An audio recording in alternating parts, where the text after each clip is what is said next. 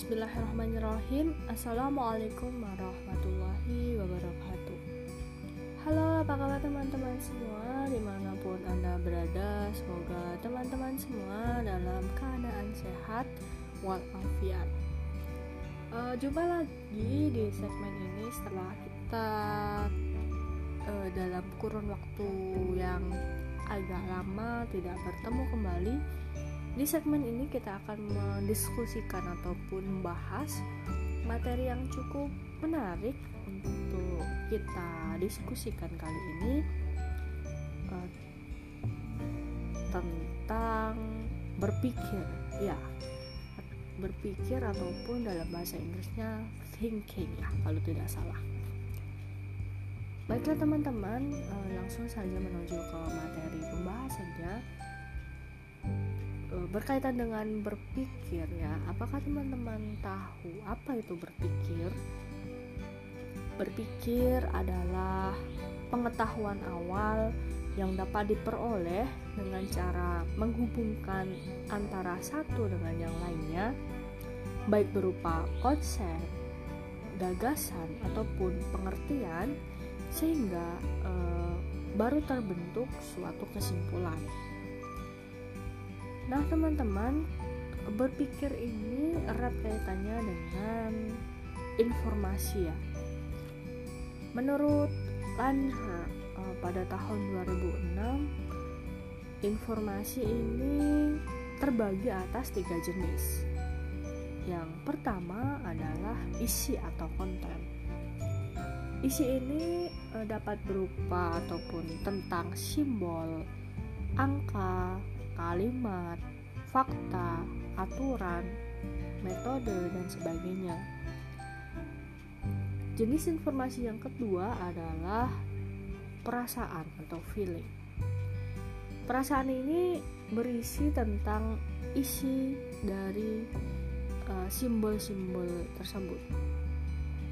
Dan jenis informasi yang ketiga menurut Sanger adalah pertanyaan atau question digunakan untuk memproses atau mempergunakan isi.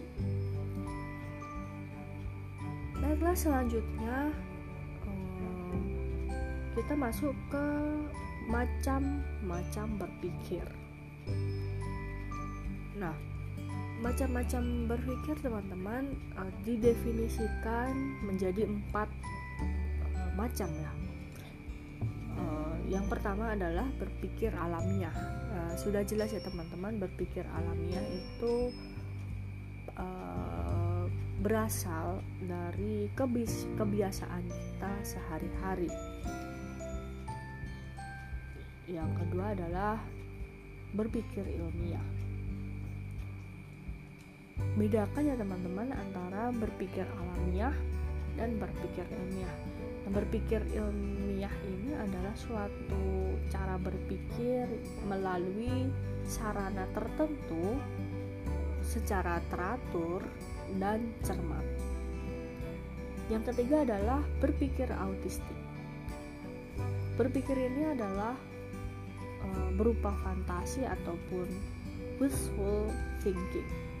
E, di, bisa disebut fantasi ataupun wishful thinking dan macam-macam berpikir yang terakhir yaitu berpikir realistik.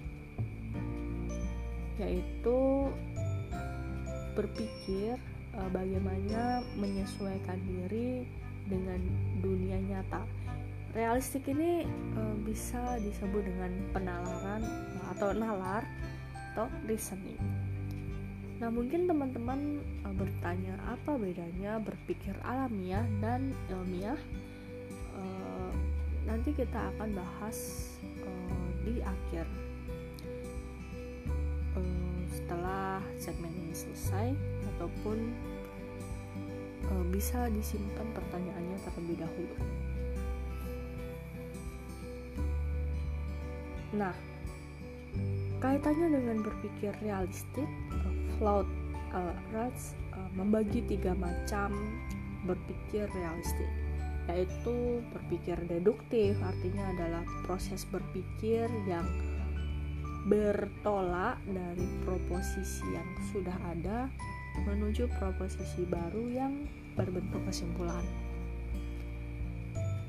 E, macam berpikir realistik yang kedua adalah berpikir induktif, artinya bahwa proses berpikir ini menarik suatu kesimpulan umum yang berasal dari berbagai kejadian ataupun data yang ada di sekitarnya. Dan berpikir yang ketiga adalah berpikir evaluatif, artinya dalam proses ya berpikir kritis, menilai baik buruknya, tepat atau tidaknya suatu gagasan ataupun uh, data.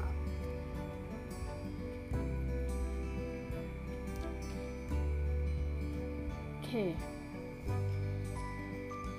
Selanjutnya untuk berpikir ataupun thinking yang dalam ilmu psikologi terkenal dengan nama taksonomi Bloom. Nah, taksonomi Bloom ini uh, sebelum direvisi ini terbagi atas pengetahuan atau knowledge, kemudian pemahaman, komprehensif, ketiga penerapan, application, keempat analisis, analisis, kelima sintesis, sintesis, dan keenam adalah evaluasi atau evaluation. Kan kemudian dalam ilmu psikologi setelah taksonomi belum mengalami perubahan di sesudah direvisi ini ada terbagi atas mengingat, remembering, memahami, understanding, menerapkan, applying, menganalisis, analyzing, mengevaluasi, evaluasi, berkreasi atau mencipta kreatif. Dari uh, data taksonomi Bloom yang sebelum direvisi dan sesudah direvisi ini ada perbedaan yang signifikan ya teman-teman uh, dari kesemuanya dan yang sama adalah pada bagian analisis.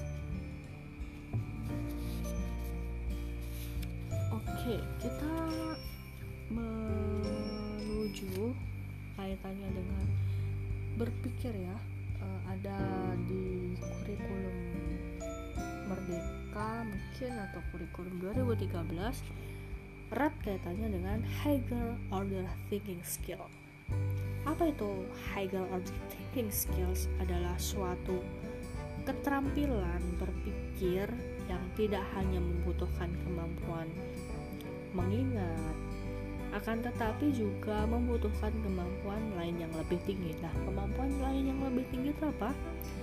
Nah, HOTS Higher Order Thinking Skill atau disingkat HOTS melibatkan beragam proses berpikir dalam situasi-situasi yang kompleks dan terdiri dari banyak variabel termasuk berpikir kritis, logis, reflektif, metakognitif, dan berpikir kreatif. Nah, ada uh, ini ada ya cara untuk melatih higher order thinking skills uh, manusia. Ada beberapa tips untuk melatih hot. Cara yang pertama adalah membuat peta konsep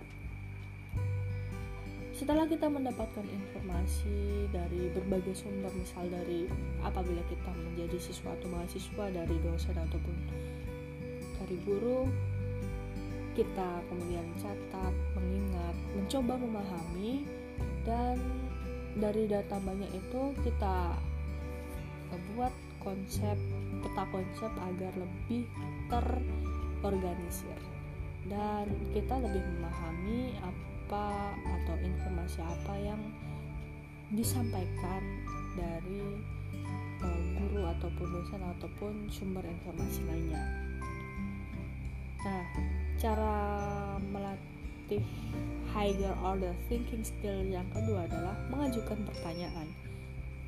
Mengajukan pertanyaan ini penting digunakan ketika kita ingin melatih uh, kemampuan berpikir tingkat tinggi uh, karena beda, uh, kita lebih dapat berpikir kritis ketika kita mengajukan suatu pertanyaan dari suatu informasi yang kita peroleh sehingga informasi itu bisa kita saring bandingkan ataupun diskusikan bersama sehingga memunculkan kesimpulan-kesimpulan baru uh, yang uh, berbeda atau dari informasi yang kita peroleh. Artinya kita mengelaborasi informasi yang kita peroleh.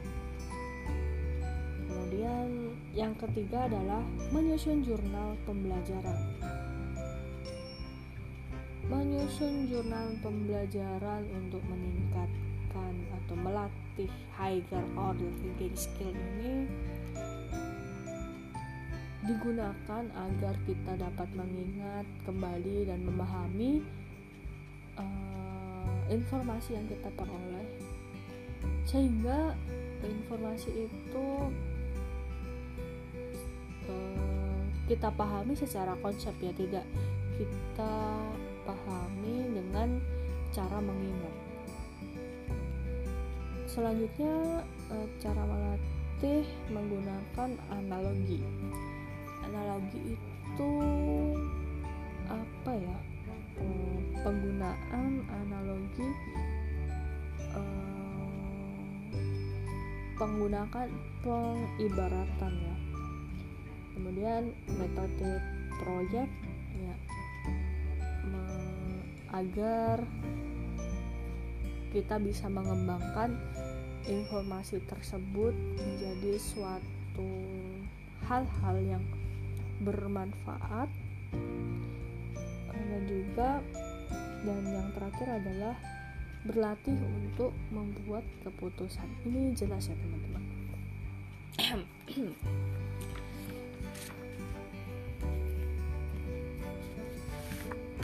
Nah kaitannya dengan berpikir ya. Ini menarik untuk didiskusikan. Kita akan selanjutnya menuju kepada berpikir non-linear. Nah, saya tidak akan menjelaskan uh, pengertian berpikir non-linear itu apa.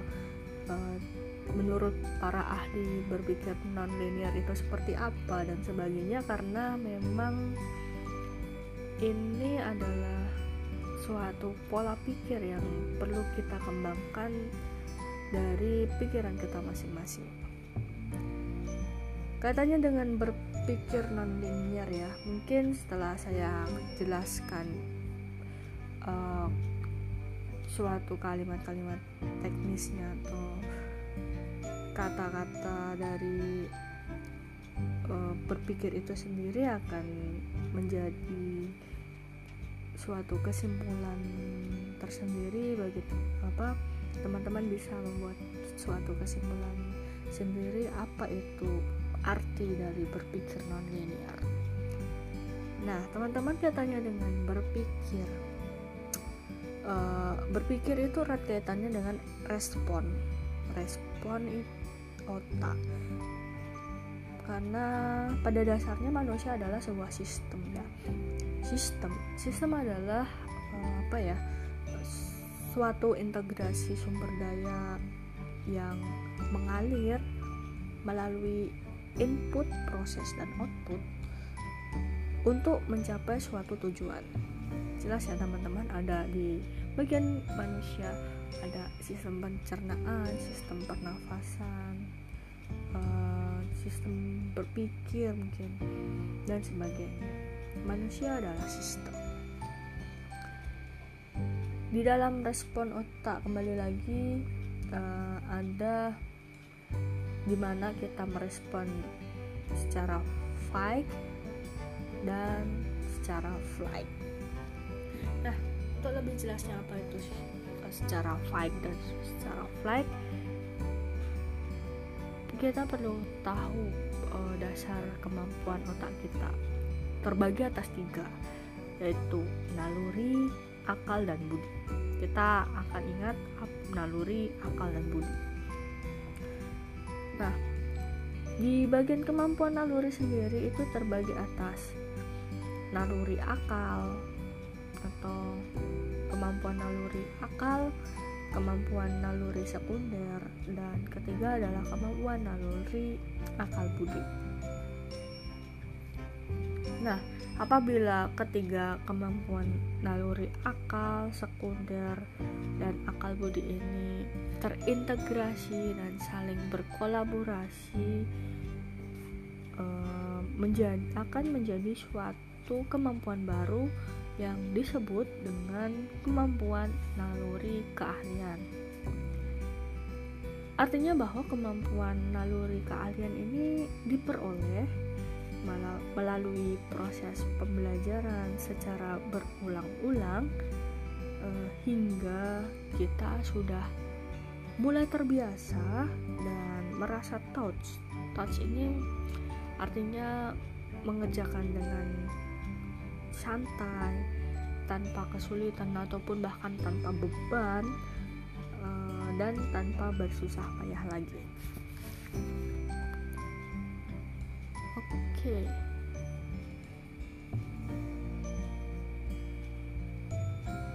nah kaitannya dengan kembali lagi ke respon otak fight atau flight itu ada istilah menarik ya. Maladaptive early stigmas artinya ketika kita berada di fase fight kita akan bersemangat menghadapi sesuatu. Dan ketika adanya flight uh, mungkin adanya suatu ketimpangan antara hak dan kewajiban Oke, kita lanjut ke proses-proses berpikir. Proses ber proses berpikir itu terbagi atas tiga, yaitu proses internalisasi, artinya suatu proses yang menghasilkan persepsi dan sensasi. Yang kedua adalah proses transformasi, artinya suatu proses yang menghasilkan produk-produk pikiran dan proses berpikir yang terakhir adalah proses eksekusi. Suatu proses yang menghasilkan perilaku. Oke, kembali ke respon otak ya, masih flight. Flight tadi uh, tentang penghindaran dan perlawanan. Ada istilah yang bernama outward forces uh, lebih gampangnya misal kita atau ada seseorang mereka bisa mengikuti suatu perlombaan misal dalam bayangan kita mereka uh, memiliki privilege atau keuntungan intelijensi yang tinggi atau material yang uh, kebutuhan material yang terpenuhi sehingga mereka uh, dapat mengikuti lomba dengan mudah. Kemudian inward forces, misal uh, seseorang itu tidak dapat mengikuti suatu perlombaan dikarenakan mereka memiliki tingkat intelijensi yang rendah, misal dalam pandangan mereka sendiri, kemudian kurangnya dukungan material atau dukungan uh, sosial dari lingkungan sekitar. Padahal uh, dalam berpikir uh, ada batasan-batasan tertentu teman-teman. Hmm, sehingga dalam berpikir ini kita harus mengerti suatu keadaan di mana kita harus berjuang ataupun menyerah Hal ini berada di dalam pikiran masing-masing individu sebelum mereka melakukan suatu uh, hal ataupun kegiatan. Oke, okay. selanjutnya setelah dalam berpikir itu ada yang bernama program meta metau. Yaitu suatu kemampuan otak yang sudah memiliki fungsi fungsi spesifik yang untuk meningkatkan kualitas kemampuan nalar. selanjutnya ada analisis. Sudah jelas teman-teman bahwa analisis adalah suatu kemampuan untuk menguraikan sesuatu objek menjadi bagian-bagian yang lebih kecil untuk memperoleh data yang lebih banyak. Yang ketiga adalah sintesis, yaitu suatu bentuk baru yang dibuat berdasarkan korelasi-korelasi atau hubungan-hubungan uh, baik itu yang positif ataupun negatif dengan menyisipkan hal-hal yang bersifat rasional dan relevan dari pengetahuan lainnya. Nah, mungkin in, nah dalam berpikir yang paling utama adalah ataupun yang berkaitan kaitan erat adalah kaitannya dengan logika. Logika itu adalah uh, dapat dikatakan sebuah alat untuk menjembatani hubungan sebab akibat sehingga bisa ditarik sebuah kesimpulan yang bermakna. Oke, mungkin cukup sekian materi yang dapat saya sampaikan. Mungkin kesimpulan sedikit ya. Uh, apa itu berpikiran linear? Menurut pandangan saya berpikiran linear adalah bagaimana kita uh, bisa berpikir tanpa berdasarkan garis fact atau fact atau tanpa berdasarkan respon penghindaran dan perlawanan. Kita harus uh, dan istilahnya out of the box. Uh, tidak peduli seberapa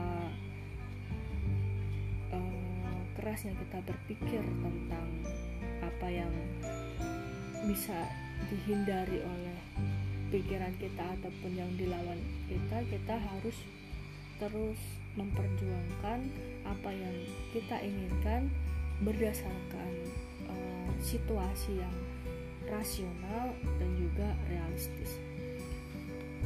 Sehingga kita bisa memunculkan kemampuan yang naluri uh, keahli, keahlian yang dapat berguna untuk aktivitas kita sebagai manusia. Mungkin itu dari kesimpulan saya.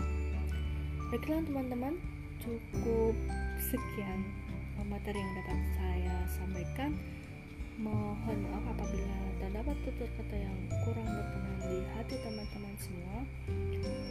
Terima kasih saya ucapkan uh, akhir kata. Wassalamualaikum warahmatullahi wabarakatuh.